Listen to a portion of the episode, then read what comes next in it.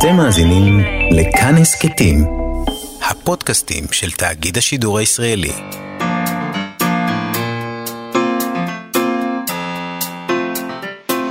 מה שכרוך עם יובל אביבי ומה יעשה לה.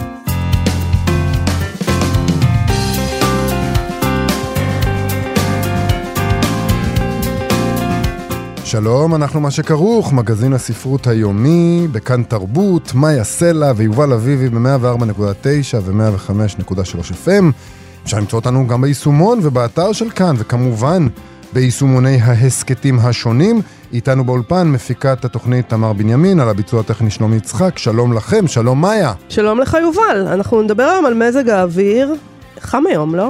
חם נורא. ויהיה אפילו יותר חם. אני רוצה להגיד לך שהתקלקל לי המזגן, אני ביומיים החמים האלה בלי מזגן.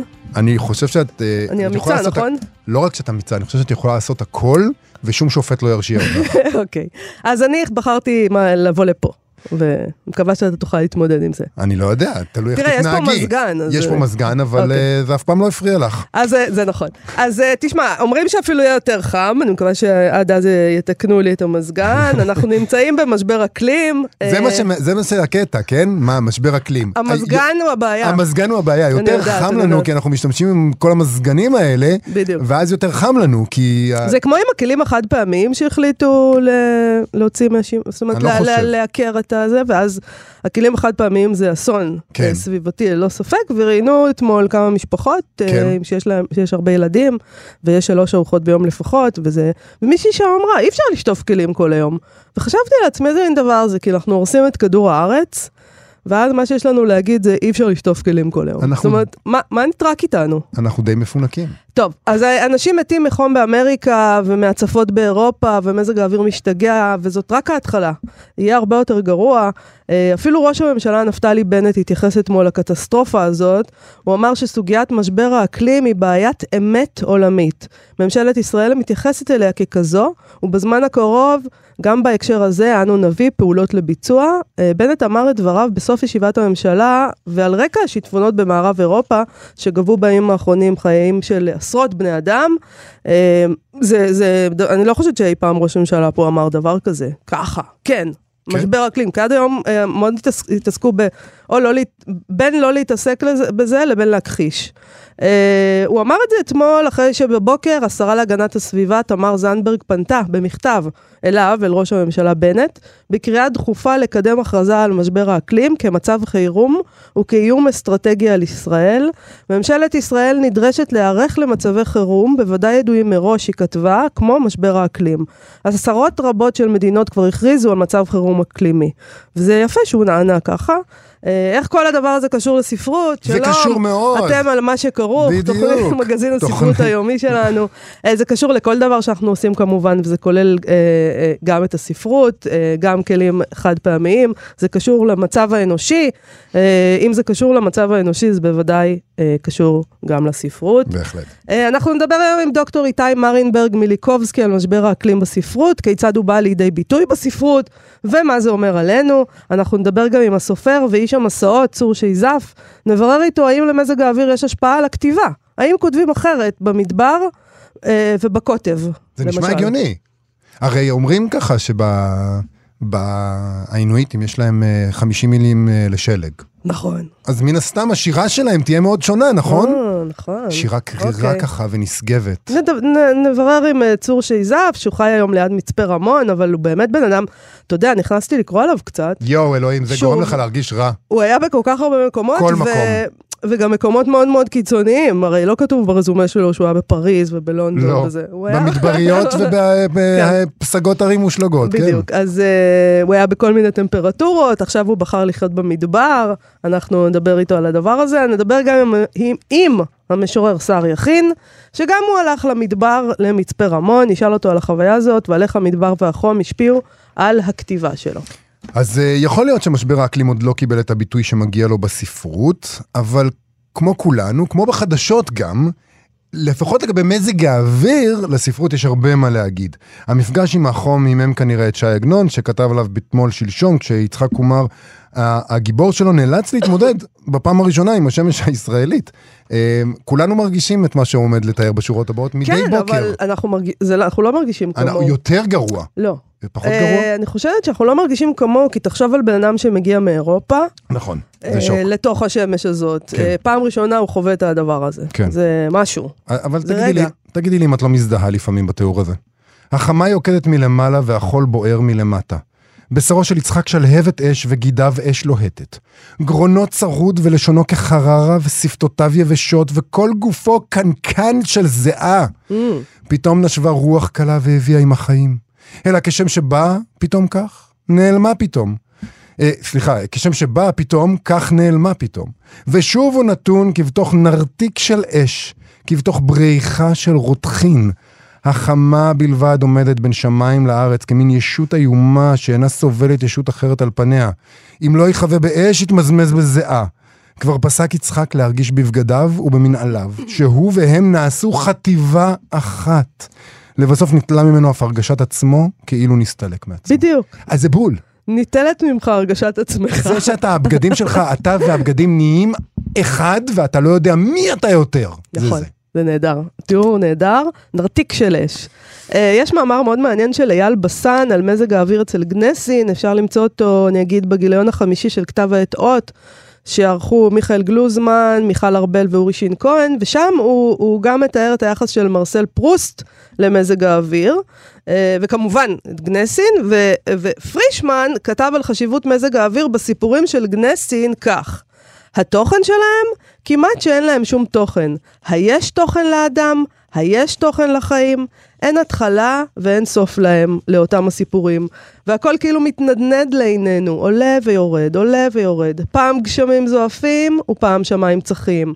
פעם זיק אור עם תקווה, ופעם יום מעונן, לב מעונן. והכל כה נאלח וכבד ועצל וריק ונמאס. איזה יופי. נהדר. והכל כה נאלח וכבד ועצל וריק ונמאס. בול. תכתוב לי את זה על הקיר. אה, וכמובן יש דוגמה מגנסין עצמו, אה, הפציינט, אה, ומזג האוויר שלו מתוך בגנים. והוא כותב כך, גנסין. בינתיים התחילה חמה לוהטת שוב. הוצת הנחל והתחיל מכה בסנוורים ומפיק הבל רותח. נמלאו הגנים שריקה. וראשי התחיל לוהט ומטשטש. הסירותי שוב את הפיזק שלי, והתרתי אגב רוגזה שבגירוי את לולאות אצטלייתי. זה חולצה, אצטלייתי הקלה. מתחת לזו הרגשתי את בשרי כשהוא רותח. נדמה לי אז שהחמה עזרה פתאום כוח רב, והנחל הרותח התחיל צוחק לי זדונות. הרגשתי בי פתאום שזרים היו הלילה בגרוני ובחזי. וכוס של חלב קר זו, הייתי בטוח פתאום שכל ימיי לא הייתי חי, אלא בשבילה ולשמה. ואני הייתי נלאה, והייתי שבור, והייתי גונח מחמת חום, ומתרומם נרפה אל ראש ההר. שם תרתי לי מקום מחסה תחת אחד השיחים, שצילו מרובה. התנפלתי אל הזלזלים המרשרשים, שבאמת הצל שלו, ושאפתי רוח. מבינה למה אנחנו צריכים סופרים משוררים? כי אנחנו... אני מבינה, אתה מבין? עכשיו אני מבין. סוף סוף. חוץ מזה, אה, כמובן יש את פרוסט עצמו. אייל בסן מצטט את אה, המסה של איב קוסופסקי סדג'וויק, אה, שכתבה מסה אה, תחת השם מזג האוויר אצל פרוסט. כן. בעקבות הזמן האבוד, היא טוענת, הוא ביטוי ספרותי יוצא דופן לחו... לחוויה הרגישית שהיא מזג האוויר. זו חוויה כה מקיפה, עד שעבור מרסל, השתנות מזג האוויר עשויה להביא לשינוי רדיקלי של ההוויה שלו עצמו בעולם. דבר שהוא מדמה לאירוע של לידה מחדש. היא אפילו הציעה בבדיחות הדעת במסע הזאת, אה, שהיה צריך לת... לתרגם את שם הספר בעצם בעקבות מזג האוויר האבוד, לא בעקבות הזמן האבוד. זו בדיחה נהדרת. אה, ואנחנו נוהגים לצחוק על האנגלים בדרך כלל, אתה יודע, על שיחות אה, אה, המזג האוויר האלה שלהם. כן. אה, כאילו הם מדברים רק על מזג האוויר, אבל הנה ציטוט מתוך בעקבות הזמן האבוד. אחד הדברים היפים ביותר. נכון? הציטוט הזה. ציטוט נפלא. אז ככה פרוסט כותב, אבל בלוך לא מצא חן בעיני משפחתי מטעמים אחרים. תחילה עצבן את אבי, שכאשר ראה אותו רטוב, אמר לו בהתעוררות, נו מר בלוך, אז מה מזג האוויר? ירד גשם? אני לא תופס, הברומטר היה 100%. הוא לא דלה ממנו אלא את התשובה כדלקמן. אדוני, אין ביכולתי לומר לך אם אכן ירד גשם. אני נחוש בדעתי לחיות מחוץ לאקראיות הפיזית, עד כי חושיי אינם טורחים לידע אותי. שמע נא בן יקר, הוא אידיוט החבר שלך, אמר לי אבי כשהלך בלוך. מה פירוש? הוא לא יכול אפילו להגיד לי מה מזג האוויר? הרי אין דבר יותר מעניין מזה. Uh, וזה הזכיר לי כשקראתי את, uh, את אבא שלי, שהיה שואל אותי תמיד, uh, חם או חם לי? או בחורף, קר או קר לי. בדיוק, אבל זה בדיוק העניין, זה, זה דבר כל כך אינטימי. הוא מדבר במאמר הזה גם על ההבדל בין אקלים למזג אוויר. מזג אוויר זה חוויה חד פעמית, ושהיא מאוד מאוד מלמדת אותך על המצב שלך מול העולם. זה נורא נורא יפה, זה מאמר יפה, אפשר למצוא אותו ברשת, נכון? כל אחד כן, יכול כן, לקרוא. כן, אות, כדאי, אות חמש. כדאי, אה, כדאי למצוא אותו. אה, טוב, אה, כל אלה שדיברנו בכלל לא ידעו כמה חם עוד עומד להיות נכון, פה, כן? נכון. כל הדברים האלה נכתבו כשהיה צונן ונחמד. אה, תכף נדבר על המשבר האקלימי. בוא נתחיל.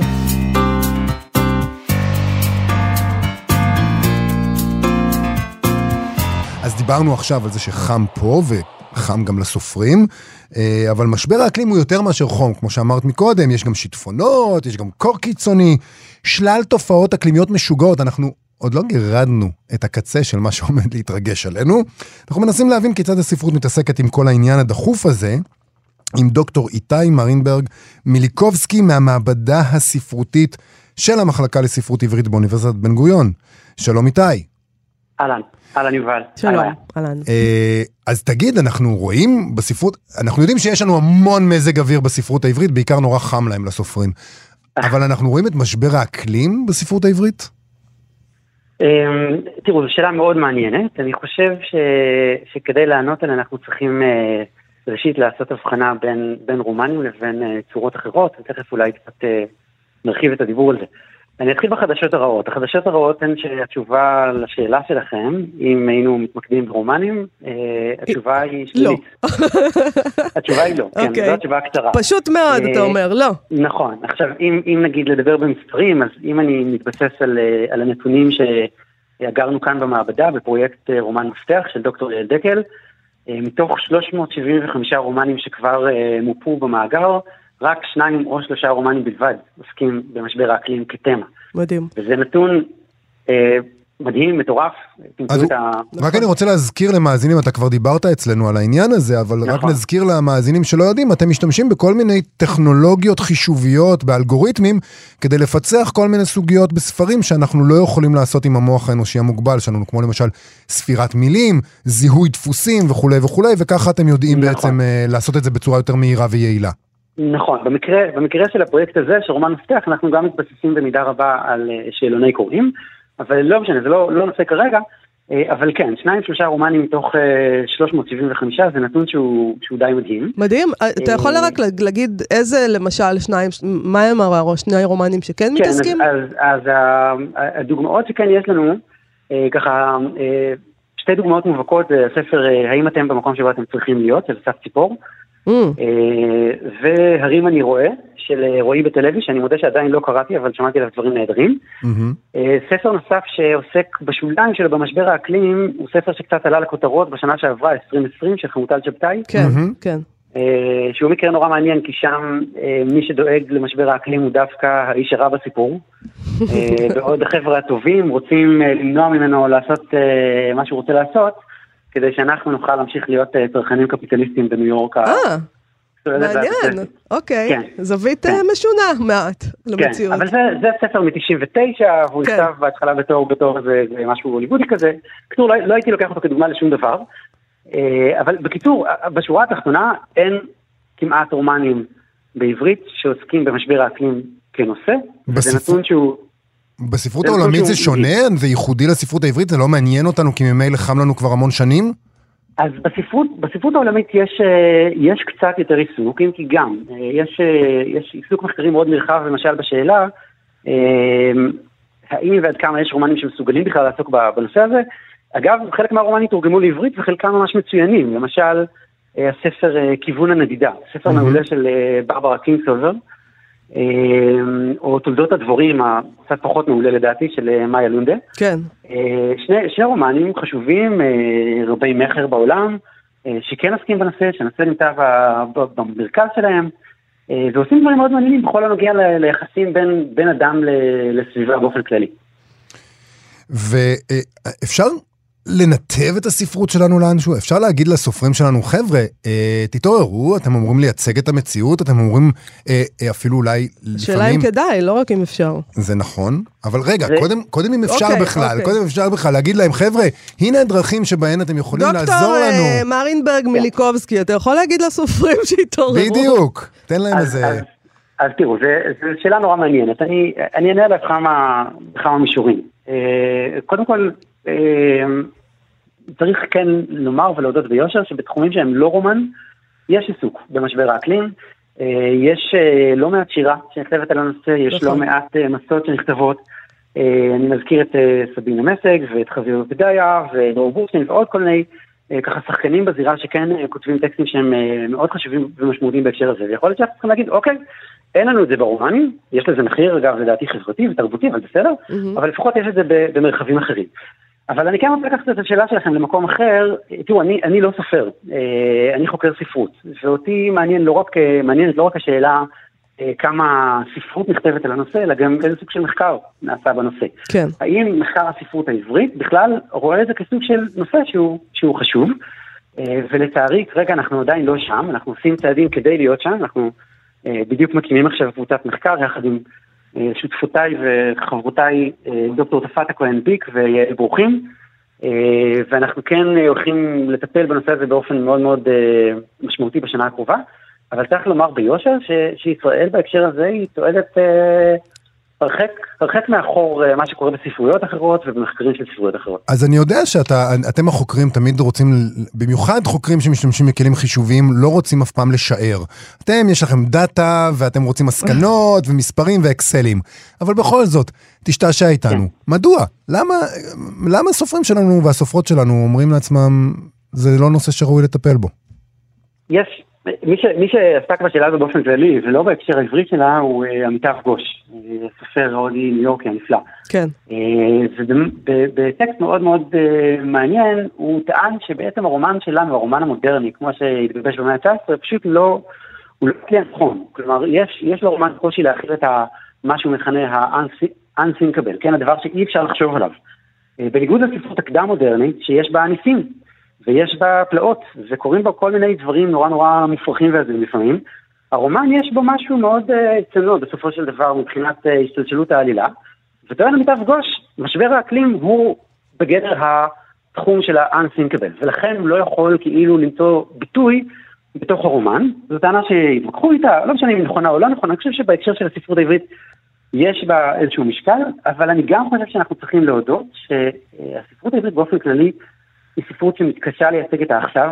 אה, דוגמה נוספת שראינו את זה במחקר אחר שלנו בשנה האחרונה, אה, הקושי של סופרים עבריים, למשל, לתת ביטוי לצורות שבהן כולנו נמצאים בתקשורת כל יום, אוקיי? מתי לאחרונה קראתם רומן שבו הדמויות אה, מתקשרות ביניהן בוואטסאפ, מה שאנחנו מתקשרים בינינו, או, ב- נכון. או באימייל.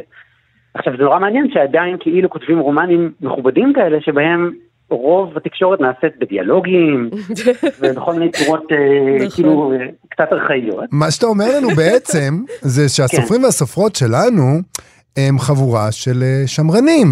ושמרנים באמת מכחישים לרוב את משבר האקלים, אז הכל מתחבר בעצם, זה פשוט אז- עניין אז- שמרני.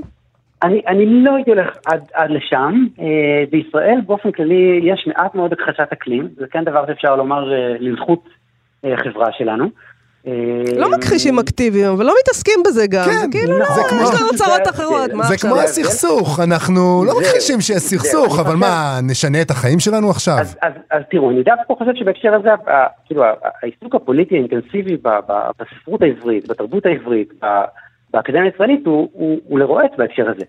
כי יש המון המון עיסוק בסוגיות של אה, זהות ובפוליטיקת הזהויות ובמגדר ובסכסוך וכולי, ו, והדבר הזה כאילו לא עושה מקום, לא עושה כן, מרחב כן. לתחומים אחרים. וזה מחיר שאנחנו כמעט בלי ספק אנחנו משלמים בהקשר הזה של, של משבר האקלים, שהוא כאילו נתפס עדיין כאיזה סוג של פריבילגיה, משהו שהוא אה, זניח לעומת אה, בעיות השעה של המקום הספציפי הזה, ואני חושב שזו, אה, שזו טעות. אני לא יודע אם ראיתם את, ה, את הקול קורא שלנו, אבל בין היתר אנחנו מצטטים שם את שרלי גלוטפלטי, שכתבה משהו נורא מעניין כבר ב-96, נורא אם מישהו היה מנסה, אה, אם היה נוחת כאן עכשיו חייזר, והיה מנסה להבין מה יש בעולם, או מה הנושאים הבוערים בעולם, על סמך כתבי עת לחקר הספרות בשנות ה-90, הוא היה אומר לעצמו, בעולם הזה יש מגדר וגזע ומעמד.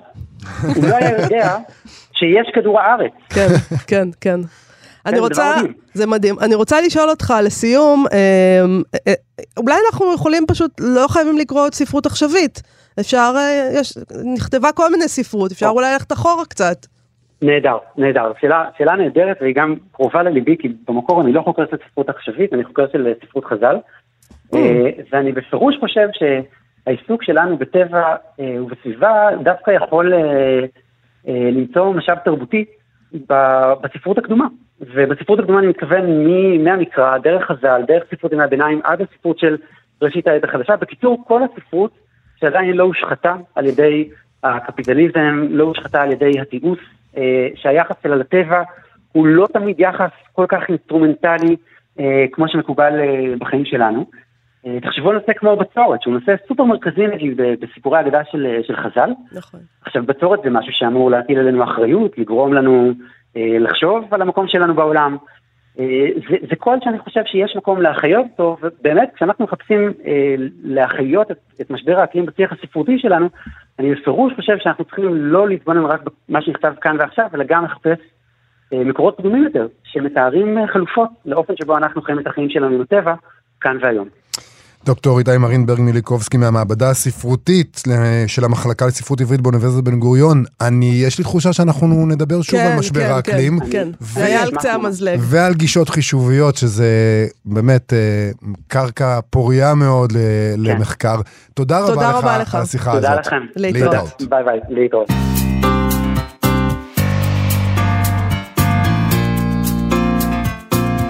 כיוון שמזג האוויר משתנה באופן קיצוני וגם די בלתי צפוי, אנחנו רצינו, חשבנו שאנחנו רוצים להבין אה, האם תהיה לו השפעה על הכתיבה בעצם. כלומר, האם יש לו? האם כותבים אחרת במזג אוויר ספציפי? האם כותבים אחרת בקור קיצוני או בחום קיצוני?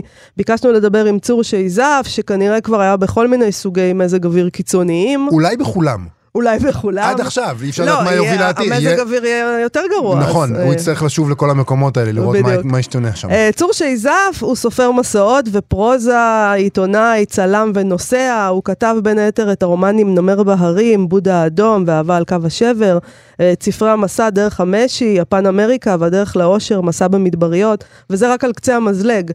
כי זה היה יכול לקחת כל כל התוכנית, התוכנית, את כן. מה שהוא עשה, אז שלום צור שייזף. שלום וברכה. אהלן. אז האם, וציינתי בתחילת התוכנית שאתה חי בעצם אה, ליד מצפה רמון, במדבר. בחרת בסוף לחיות במדבר, לעת עתה בוא נגיד.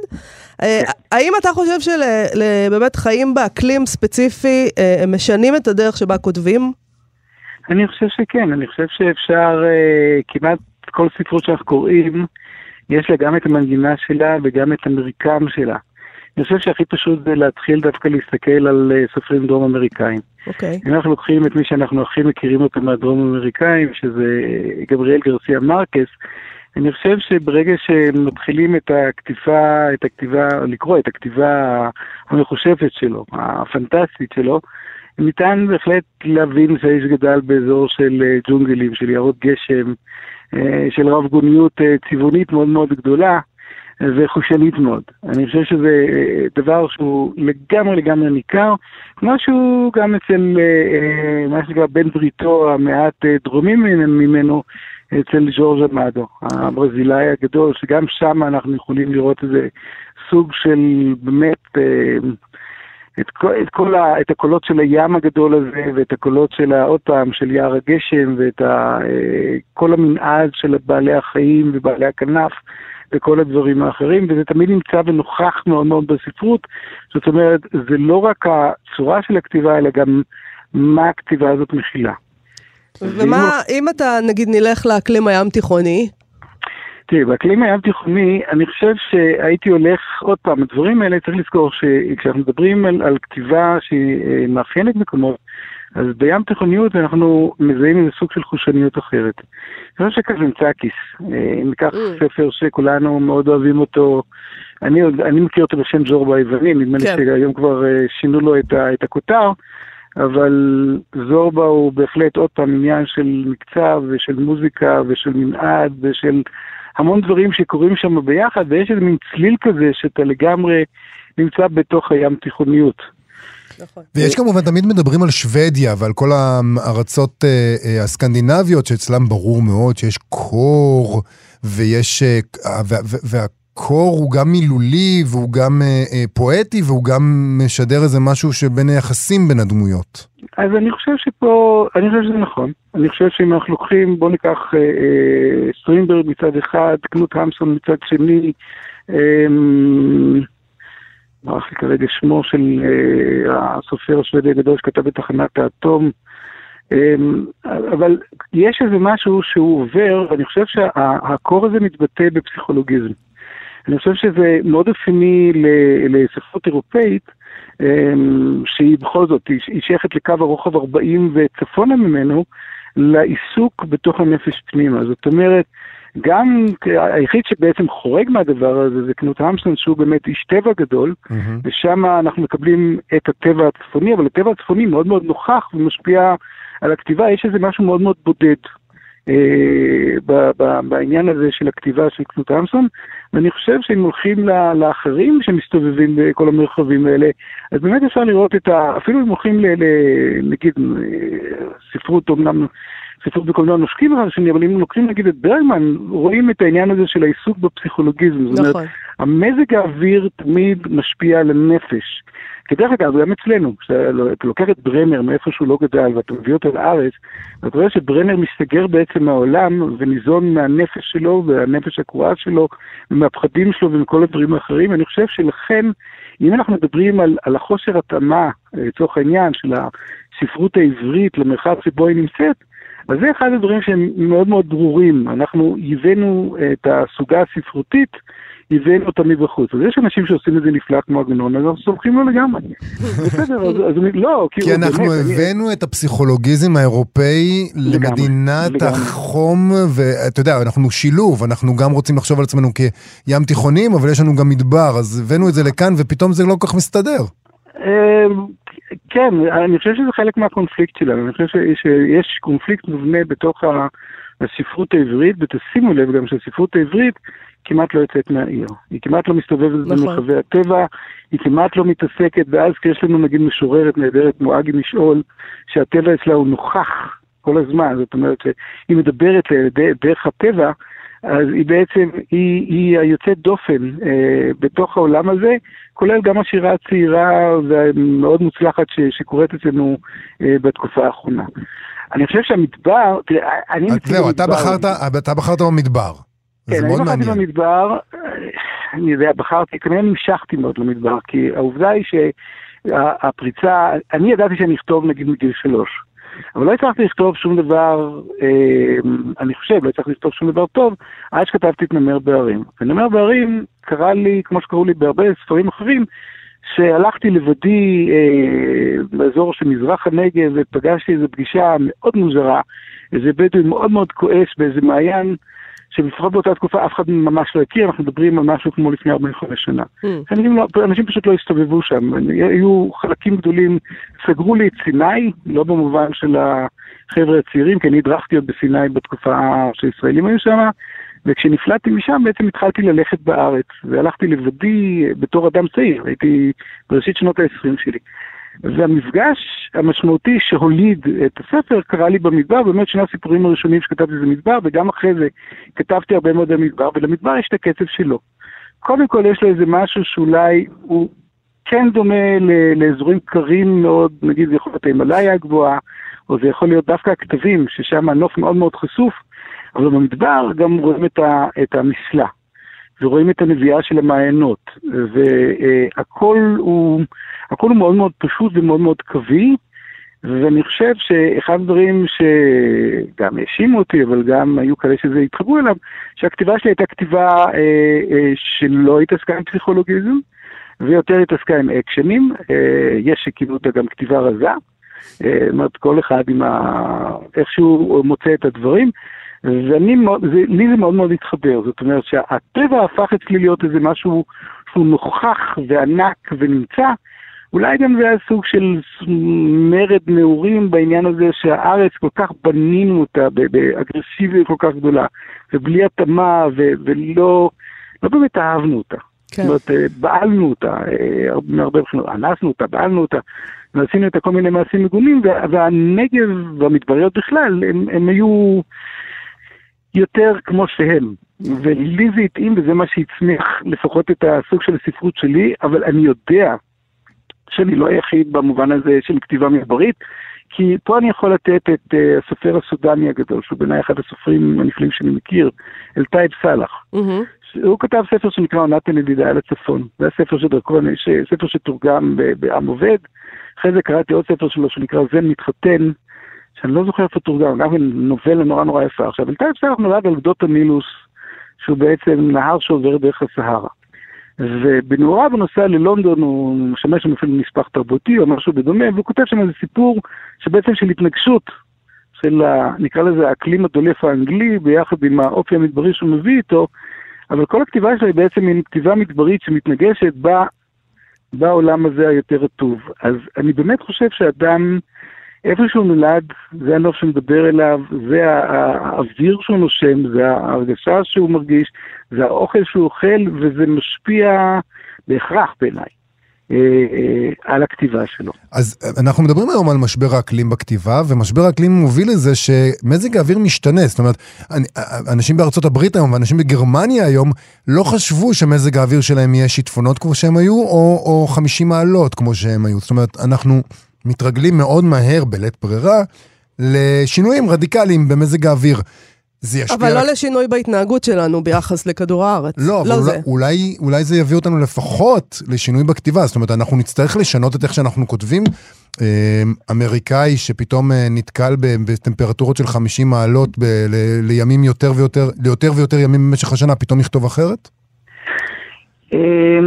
אני לא בטוח. אני חושב שמה שמאיה התחילה להגיד לגבי החוסר יכולת של האדם להשתנות, הוא בעצם התשובה לעניין הזה של הספרות. זאת אומרת, אנחנו נושאים את ה... אני אקרא את הקידוד הגיאוגרפי האקלימי אצלנו בתוך הראש.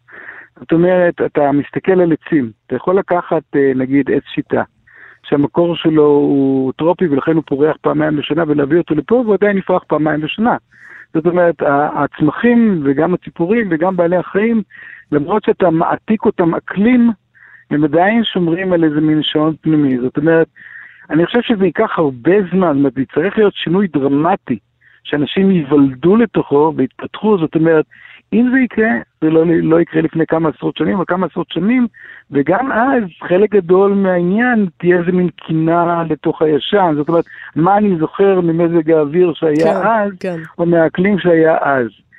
אמ, תראו, אני עסוק בעניין הזה של האקלים כבר לא מעט זמן, אני כתבתי נגיד ספר אה, מסע ביקורתי על הארץ שנקרא סוף הדרך מותה של מדינה, ובה תיארתי אותו בעצם מהיעלמותה של מדינת החלום הסוציאליסטית, אבל דרך העניין הזה של הרס בארץ, כפי שאנחנו באמת הבאנו על עצמנו. זאת אומרת, זה, זה יפה שזה נכנס עכשיו כל הנושא בסערה, כל הנושא של אה, אה, הרס האקלים שלנו, אבל עדיין המדינה לא מתנהגת, או העולם עדיין לא מתנהג כאילו עדיין מבין את הדבר הזה, ודווקא פה סופרים שהם כן אוהבים טבע, אה, הלכו בכל זאת אה, צעד אחד לפני, זאת אומרת, גם הספדת הטבע היא דבר שהספרות מדברת עליו כבר לפחות כמה עשרות שנים.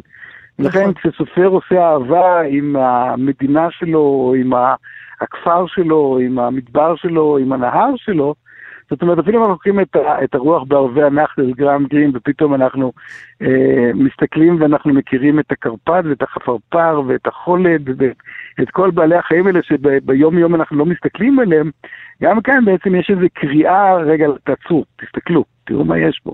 את כל המגוון של הדברים האלה. וזה בעיניי, אם יש, אה, אני נראה שלא שאלתם, אבל אני מתנצל שאני כזה משימתי, אבל אם יש תפקיד לספרות, זה באמת להביא עכשיו את מה אנחנו הולכים להפסיד מה, מההתנהגות הזאת שלנו. טוב, אז יש פה בהחלט קריאה לסופרים. צור שייזף, תודה רבה לך על השיחה הנהדרת הזאת. תודה רבה לכם. להתראות. להתראות. להתראות.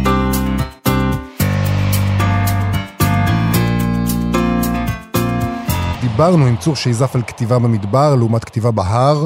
עכשיו נברר האם התיאוריות האלה מתאימות למציאות הלירית, השירית, עם כותב מדברי. משורר שר יכין החליט לפני כמה שנים לעבור למצפה רמון, אל המדבר החם והלוהט. שם הוא מצא לדבריו שפה מדברית, והוא כתב בה את ספרו הרביעי, קיתונות וקבין, שיצא בהוצאת הווה להבא.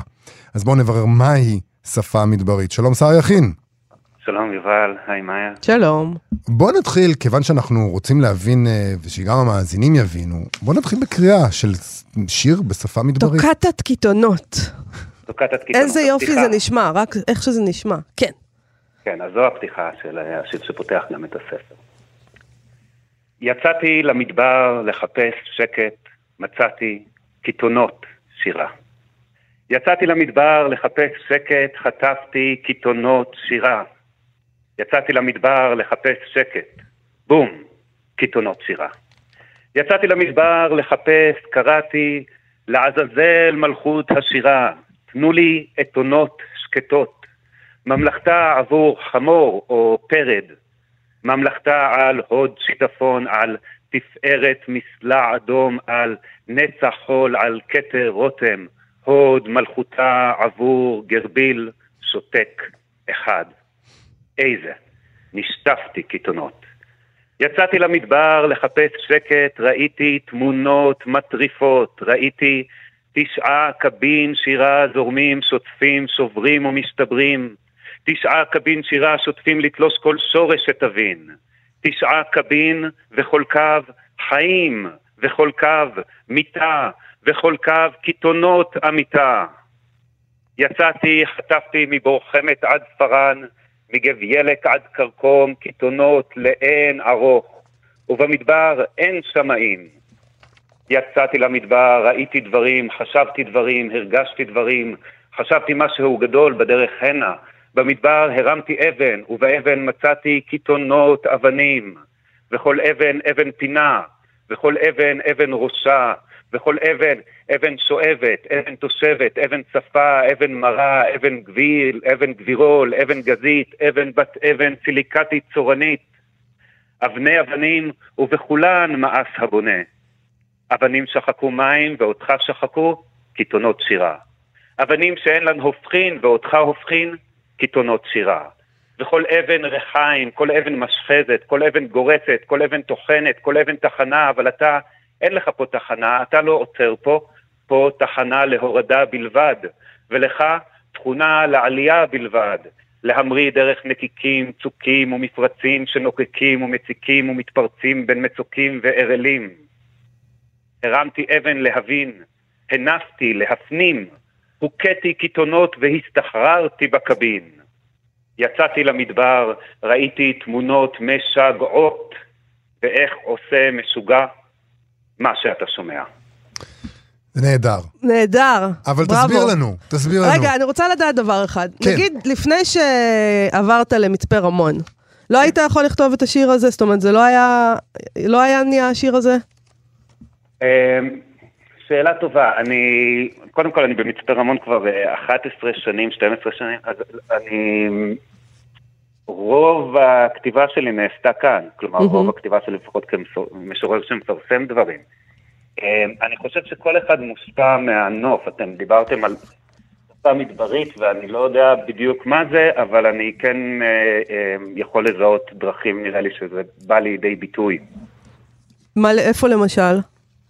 אמ, קודם כל, המדבר בכלל זה דבר שהוא אה, בעצם מוגדר בהיעדר משהו. כן. כלומר, אה, מגדירים מדבר לפי זה שיורד פחות מ-200 מילימטר מים, או איך ש... שהדרך. כלומר, אה, זה דבר שהוא מוגדר לרוב לפי מה שאין בו. אה, שיש בו פחות מים, פחות אה, חיים. אה, ואולי גם כאן יש, למרות שזה לא שיר שיש בו מעט. נכון. אבל... יש, אה, אולי המדבר נותן אה, הזדמנות אה, אה, אה, לוותר על דברים מסוימים ולראות שאתה יכול אה, בלעדיהם, ואז יש נושאים שאולי פחות רואים, אה, ש- שהם אולי נושאים שיותר קשורים להוואי בעיר, בתל אביב, שרוב השירה נכתבת שם, אני משער, כמו זהות ועניינים אולי חברתיים וכאלו. אז נגיד כל הנושא הזה של זהות ו- וחברתי, וזה בעצם, אתה אומר שכשאתה חי במדבר, אז זה פחות עניין שם? זה פחות מטריד אותך באיזשהו אופן? אני חושב, כן, כלומר, אמ, מה זה זהות? זה, זהות זה איזו תחושה שאתה מרגיש קרבה למשהו, ואני פחות, מ, אמ, יש לי, אמ, אני פחות מרגיש קשור לאג'נדות כאלו. גם, גם ממה שאני רואה, יש כאן אה, סצנה צעירה, ואני מקיים ערבי משוררים שבאים אליהם, ו, וזה לא נושאים שעולים כמו שאתה שומע.